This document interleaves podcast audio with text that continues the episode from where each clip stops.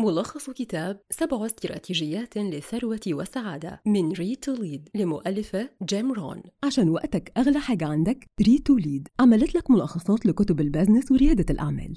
ملخصات مقروءة ومسموعة داخل تطبيقها الجديد. عشان تقدر تقرأ أو تسمع أي ملخص في أي وقت وفي أي مكان. حمل التطبيق دلوقتي من خلال Apple Store أو Google Play Store Read to Lead. هل تجد نفسك غالبا منزعجا من مشاكل المال؟ هل تشعر أن النجاح شيء بعيد المنال وموجود فقط في تخيلاتك؟ إذا كان الأمر كذلك فأنت بعيد عن الوحدة. لقد شعر المؤلف جيم رون بهذه الطريقة عندما ترك الكلية وبدأ العمل كمدير للموارد البشرية. لقد عمل بجد لمدة ست سنوات، لكنه ظل عالقا في نفس المنصب وبنفس الراتب. ومع ذلك تغيرت الأمور عندما التقى بمعلمه إيرل شوف بتوجيه من شوف تعلم استراتيجيات فعالة لبناء الثروة من خلال الانضباط والجهود المركزة. من خلال تنفيذها أصبح مليونيرا في سن الواحدة والثلاثين. في حين أن الثروة والنجاح يمكن أن يعنيا أشياء مختلفة لأشخاص مختلفين فإن اتباع الاستراتيجيات السبع في هذا الملخص يمكن أن يساعدك في تحقيق أي هدف مالي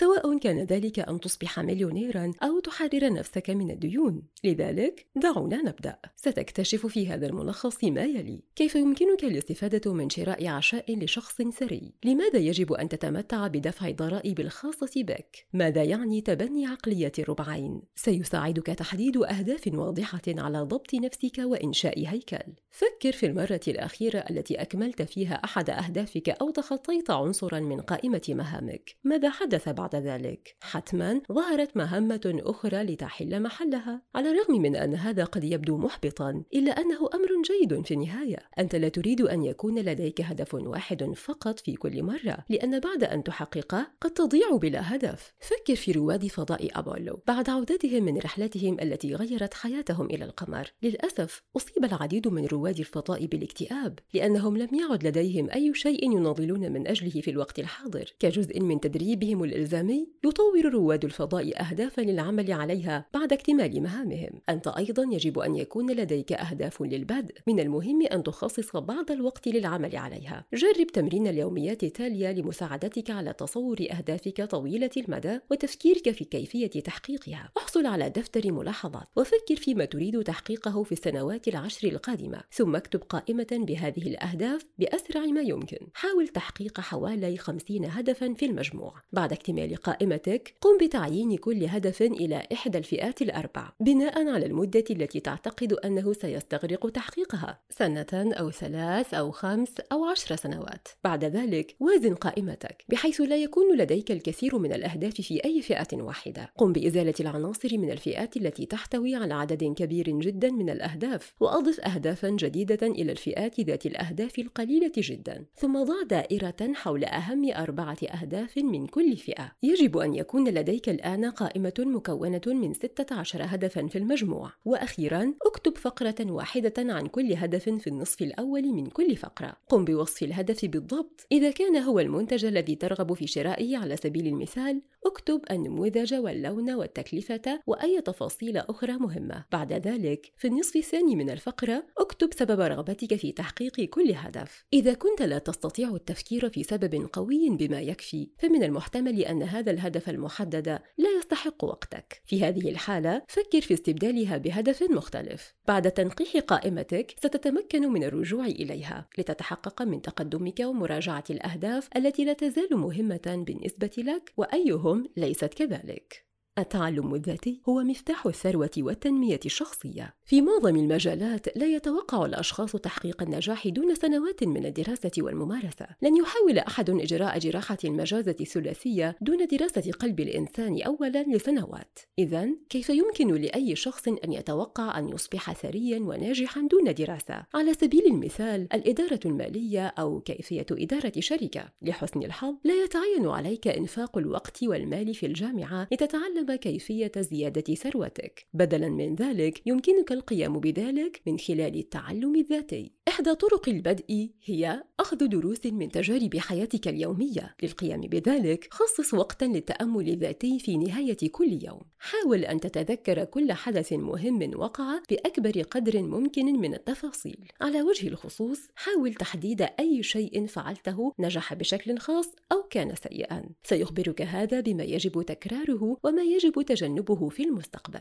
هناك طريقة أخرى لاستخدام التعلم الذاتي لتحديد استراتيجيات النجاح وهي الاعتماد على المعرفة من الكتب ومقاطع الفيديو والتسجيلات الصوتية. على وجه الخصوص ابحث عن السير الذاتية للأشخاص الناجحين والكتب الإرشادية مثل الكتاب الكلاسيكي Think and Grow Rich من تأليف نابليون هيل أثناء قراءة نصائح الأشخاص الناجحين لابد أن يكون لديك أسئلة. فلماذا لا تطرح هذه الأسئلة على شخص يمكنه أن يعطيك إجابات جيدة؟ إليك طريقة غير متوقعة للقيام بذلك. ابحث عن شخص تعتبره ثريا وناجحا. وادعه لتناول العشاء. نعم هذا يعني أنه يجب عليك دفع الفاتورة والتي قد تكون باهظة الثمن. لكن الثمن سيكون يستحق ذلك. إذا كنت تستخدم وقتك بشكل فعال واطرح أسئلة حول استراتيجية استراتيجيات زيادة دخلك. كلما زاد الوقت الذي تقضيه في وجود أشخاص ناجحين كان ذلك أفضل. لذا حاول حضور المحادثات أو الندوات لمراقبة سلوك الأشخاص الذين تحبهم. انتبه جيدا للإيماءات الصغيرة مثل الطريقة التي تصافح بها سيدة الأعمال. إذا تمكنت من تحديد العادات التي يشاركها الأشخاص الناجحون فيمكنك استخدامها في حياتك الخاصة. مهما كانت الطريقة التي تختارها لجمع الحكمة فإن الأمر يستحق استثمار القليل من الوقت والمال خصص 30 دقيقة على الأقل يوميا للتعلم وجزءا صغيرا من دخلك كل شهر. لماذا؟ لأنه يمكنك استثمار المعرفة التي تراكمت لديك في مستقبلك وسرعان ما ستبدأ في جمع بضعة دولارات. تخلص من العوائق التي تحول دون تطورك الشخصي وزد من قيمتك. كم مرة فكرت في نفسك؟ من المستحيل بالنسبة لي أن أكون في الوقت المحدد هذا ما أنا عليه الآن. أو لا يمكنني التخلص من أنني شخص فوضوي. بقدر ما تكون مثل هذه العبارات شائعة فإنها تضر بتقديرنا لذاتنا وتجعلنا نشعر بأننا غير قادرين على التغلب على ميولنا الطبيعية. لكن في الحقيقة نفسك أحد الأشياء القليلة التي يمكنك تغييرها. ومن خلال تحسين نفسك فإنك تزيد من قيمتك كموظف أو صديق. أو زوج. لسوء الحظ يبحث الكثير من الأشخاص عن طرق لتحسين ظروفهم مع تجنب مهمة تحسين أنفسهم. على سبيل المثال للحصول على زيادة في الراتب يمكنك التفاوض مع رئيسك في العمل أو حتى الإضراب عن العمل. ولكن في النهاية هذه الأساليب لا يمكن أن تصل إلا إلى حد بعيد وسرعان ما ستحاول الحصول على زيادة أخرى. ماذا لو بدلا من ذلك زادت من قيمتك للشركة من خلال إنتاجية أعلى وأداء أفضل؟ ومهارات جديدة. هذا من شأنه أن يجعل رئيسك يرغب في زيادة راتبك. والأفضل من ذلك أن المهارات التي ستكتسبها في هذه العملية قد تكون ذات قيمة تتجاوز وظيفتك الحالية. للبدء في زيادة القيمة الخاصة بك يجب أن تعمل أولا على إزالة العوائق التي تحول دون تطورك الشخصي. المماطلة هي أحد أكثر الحواجز ضررا. بعد كل شيء يتعلق تحسين الذات بتحديد الأهداف وتحقيقها. ولكن من السهل جدا تأجيل أصعب جوانب العمل نحو هذه الأهداف حتى المستقبل البعيد. ولأن المهام التي تؤجلها تتراكم فلن يستغرق الأمر وقتا طويلا للتأخر في خططك. هناك عائقان آخران أمام تحسين الذات وهما إلقاء اللوم على الآخرين واختلاق الأعذار عندما يحدث خطأ ما فمن الأسهل بكثير توجيه أصابع الاتهام إلى شخص آخر بدلا من قبول أن المشكلة تكمن في داخلك. ولكن عندما تفعل هذا فإنك تعيق تحسينك بعد كل شيء. إذا كانت الإخفاقات التي تواجهها ليست خطأك حقا فليس لديك سبب لتحمل المسؤولية والتأكد من عدم تكرارها. أثناء عملك على تحسين نفسك تذكر أنه غالبا ما يكون من الأفضل أن تفعل ذلك خطوة خطوة واحدة في كل مرة. لنفترض أنك تريد أن تبدأ في الالتزام بالمواعيد على سبيل المثال.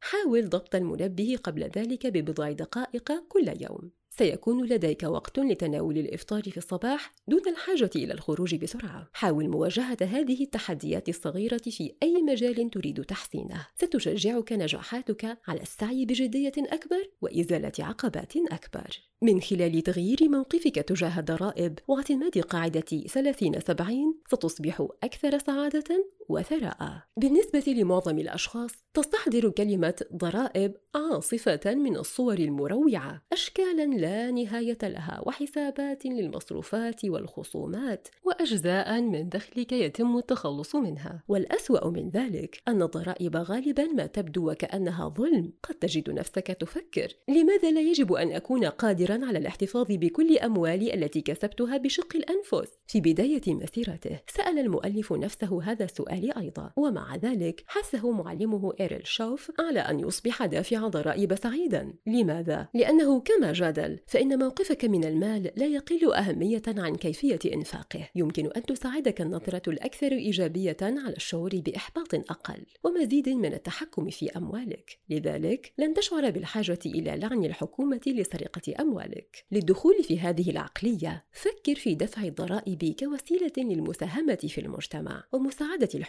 على تحسين الحياة للجميع. في مقابل بعض دخلك يتم منحك الأمانة والحرية والفرصة. هل أنت مستعد لاتخاذ هذا التحول في الموقف خطوة أخرى إلى الأمام؟ حاول النظر إلى الجانب المشرق من كل نفقاتك. على سبيل المثال عندما تضطر إلى شراء شيء ما فإنك تضع أموالك في التداول وتساهم في الاقتصاد. وكلما دفعت فواتيرك فإنك تقلل من ديونك ومطلوباتك. بمجرد أن تشعر بتحسن بشأن دفع الضرائب فقد حان الوقت للانتقال إلى صافي دخلك. هنا يجب أن تتبنى قاعدة 30 70 المفهوم بسيط. يمكنك إنفاق 70% من دخلك الشهري على الاحتياجات والرغبات. مثل الإيجار والطعام والترفيه. لكن قبل أن تنفق أيا من تلك الأموال قسم الثلاثين بالمئة الأخرى على النحو التالي. أولا تبرع بنسبة 10% من دخلك للأعمال الخيرية لتقوم برد الجميل لمجتمعك ومساعدة المحتاجين. ثم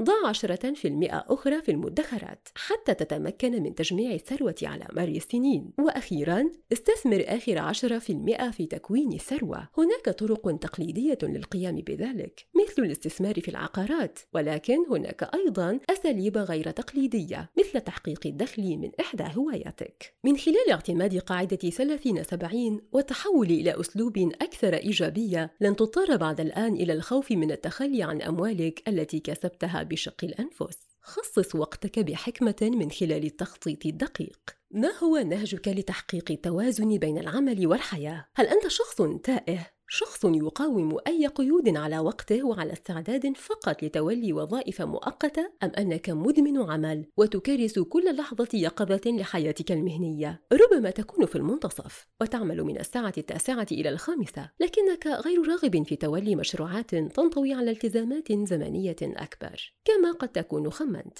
لا تعتبر أي من هذه الأساليب مثالية. لست مضطرا للاختيار بين النجاح مع عبء العمل المفرط أو المتوسط مع الوقت الكافي الكافي للاسترخاء. في الواقع تحتاج إلى تخصيص وقت لكل جانب من جوانب حياتك للعمل الجاد وقضاء الوقت مع العائلة وحتى عدم القيام بأي شيء. عندما تخصص الكثير من الوقت لإحدى هذه المجالات يصبح نمط حياتك غير متوازن وهو أمر غير مستدام على المدى الطويل. خذ مندوب مبيعات قرر أن يبدأ مشروعه الخاص كمثال. لقد أطلق فكرته على أرض الواقع ولكن سرعان ما أدرك أنه يقضي وقتا في المكتب كمدير تنفيذي أكثر بكثير مما كان يفعل كموظف. يصل إلى العمل مبكرا ويغادر متأخرا حتى عن عمال النظافة وسرعان ما قرر أن إدارة شركته الخاصة لا تستحق العناء وعاد إلى وظيفة عادية. إذا كيف تتأكد من بقاء وقتك في حالة توازن واستخدامه بكفاءة؟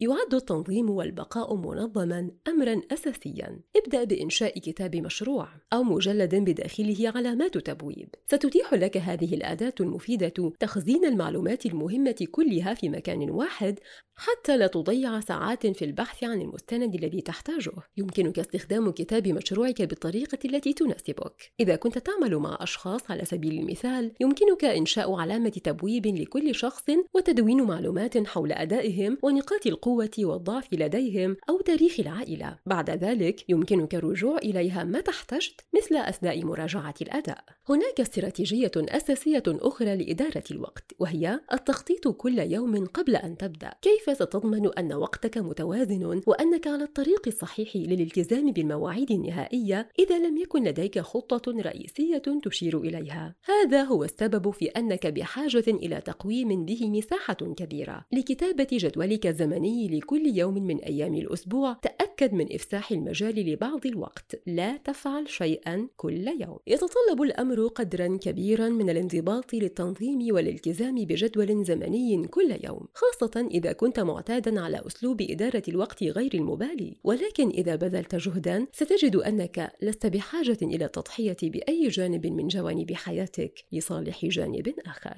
تأكد من قضاء وقتك مع الأشخاص المناسبين. دعونا نواجه الأمر. يميل أصدقاؤنا إلى التأثير علينا سواء أدركنا ذلك أم لا. إذا كنت تتجول مع أشخاص مهملين بأموالهم على سبيل المثال فقد تجد نفسك تنفق بشكل تافه أيضا. أو إذا خرج أصدقاؤك لمشاهدة المباريات الرياضية في نهاية كل أسبوع فمن المحتمل أن ينتهي بك الأمر إلى وضع العلامات. قد لا تبدو هذه السيناريوهات سيئة للغاية، ولكن ماذا لو كان لدى أصدقائك عادات أكثر تدميرا من هذه؟ في هذه الحالة قد ينتهي بك الأمر إلى تبني عادات ضارة مماثلة، على سبيل المثال إذا كنت تحيط نفسك بالكاذبين والغشاشين فقد تبدأ في رؤية سلوكياتهم كقاعدة، وقبل أن تعرف ذلك قد تجد نفسك تكذب وتغش أيضا. من الصعب الاعتراف بأن أصدقاءنا قد يكون لهم تأثير سيء، ولكن إذا كنت صادقا مع نفسك فيمكنك التعامل مع هذه العلاقات قبل أن تحدث أي ضرر جسيم. ابدأ بالتفكير في العلاقات الأساسية في حياتك. واسأل نفسك بعض الأسئلة الأساسية مع من تقضي وقتك؟ ماذا يفعلون بك؟ هل هذه الجمعيات جيدة معك؟ كن صريحا ولا تتجاهل التأثير القوي الذي قد يتركه أصدقاؤك ومعارفك عليك. إذا كنت قد أجبت على هذه الأسئلة وحددت بعض العلاقات الأقل من ممتاز في حياتك فستحتاج إلى اتخاذ بعض الخيارات الصعبة حول كيفية المضي قدما. إذا كنت تتعامل مع أشخاص مدمرين فإن أحد الخيارات هو الابتعاد عنهم تماما. أو إذا كان ذلك مستحيلا فجرب الارتباط المحدود. اقضي أقل وقت ممكن معهم. أثناء قيام قيامك بذلك يجب أيضا التأكد من أنك لا تقضي وقتا طويلا في العلاقات غير الرسمية التي لا تساهم بأي شيء ذي قيمة في حياتك. بينما قد تستمتع بقضاء بضع ليال في الأسبوع في البار مع أصدقائك على سبيل المثال فإن هذه العادة تنال من وقتك. بعد استبعاد العلاقات السلبية من حياتك فإن الخطوة التالية هي تحقيق أقصى استفادة من العلاقات الإيجابية. هنا تريد توسيع الارتباط. هذا يعني قضاء المزيد من الوقت مع أشخاص منضبطين ومصممين على النجاح. بمعنى شخص ستؤثر عليك طريقة تفكيره بشكل إيجابي. أفضل طريقة لتوسيع دائرتك هي المشاركة في مجتمعك. انضم إلى إحدى اللجان على سبيل المثال وقد تجد نفسك مدعوا للعب التنس مع بعض الأشخاص المؤثرين في مدينتك. تعرف على كيفية الشعور بالرضا بغض النظر عن حجم حسابك المصرفي. غالبا ما نسمع قصصا عن مشاهير فاحش الثراء. ورجال أعمال غير سعداء للغاية على الرغم من ثرواتهم. كيف يكون ذلك ممكنا؟ وقد وصلوا إلى ذروة النجاح. لسوء الحظ على الرغم من أن هؤلاء الأشخاص قد جمعوا ثروات هائلة إلا أنهم على الأرجح لم يتعلموا أبدا كيف يكونون راضين عما لديهم. في حين أن العديد من الأشخاص يتفقون بالفعل مع القول المأثور لا يمكن للمال شراء السعادة إلا أنهم ما زالوا يفترضون أن المزيد من المال سيجعلهم أكثر ثقة وجاذبية وسخاء لكن في الواقع لا يمكن للمال أن يغير شخصيتك ولا رضاك عن الحياة. إذا كنت غير سعيد وغير آمن الآن فالاحتمالات هي أن هذه الصفات لن تختفي فقط إذا أصبحت ثريا. على سبيل المثال تخيل شخصا يميل إلى الإفراط في الشرب في التجمعات الاجتماعية. ماذا سيحدث إذا زادت ثروة هذا الشخص؟ لن يتوقف فقط عن الشرب. من المحتمل أن المال الإضافي سيسمح له بشراء كميات غير محدودة من الكحول. الترحل مما يزيد من سوء عادته. لحسن الحظ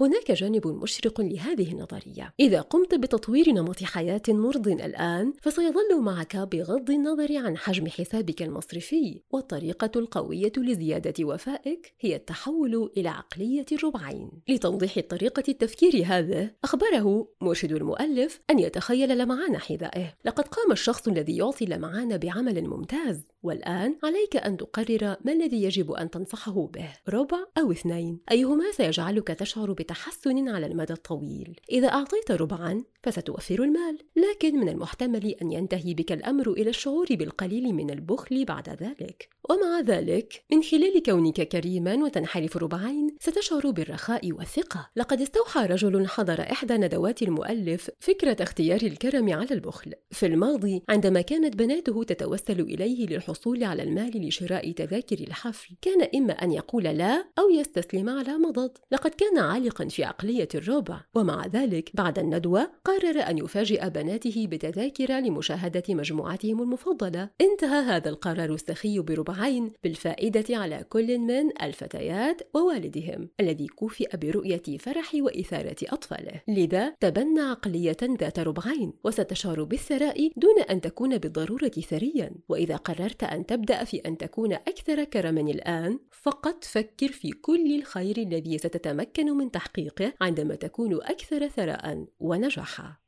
ختاما. الثروة والسعادة لا تتحقق من العدم، يتطلب الحصول عليها انضباطا وتخطيطا دقيقين، ومع ذلك بمجرد بذل الجهد المطلوب لبدء تحقيق أهدافك، ستجني ثمار ما تبقى من حياتك، فضع خطة للعبة. للاستفادة من وقتك بشكل فعال ودفع أهدافك إلى الأمام كل أسبوع قم بإنشاء خطة لعبة مسبقا. أولا ابحث عن ورقة من ورق الرسم البياني. أنشئ أعمدة رأسية بالأيام التي ستغطيها خطتك. ثم ضع عنوانا على اليسار يسمى الأنشطة. ضع قائمة بكل ما تحتاج لإنجازه خلال تلك الأيام. لكل مهمة حدد الموعد النهائي وقم برسمها على الورقة. ثم احسب عدد الأيام التي ستستغرقها لإنجاز تلك الأيام ومنعها. ستكون خطة لعبتك جاهزة بعد ذلك للعمل وسيكون طريقك إلى النجاح مجرد مسألة الالتزام بها.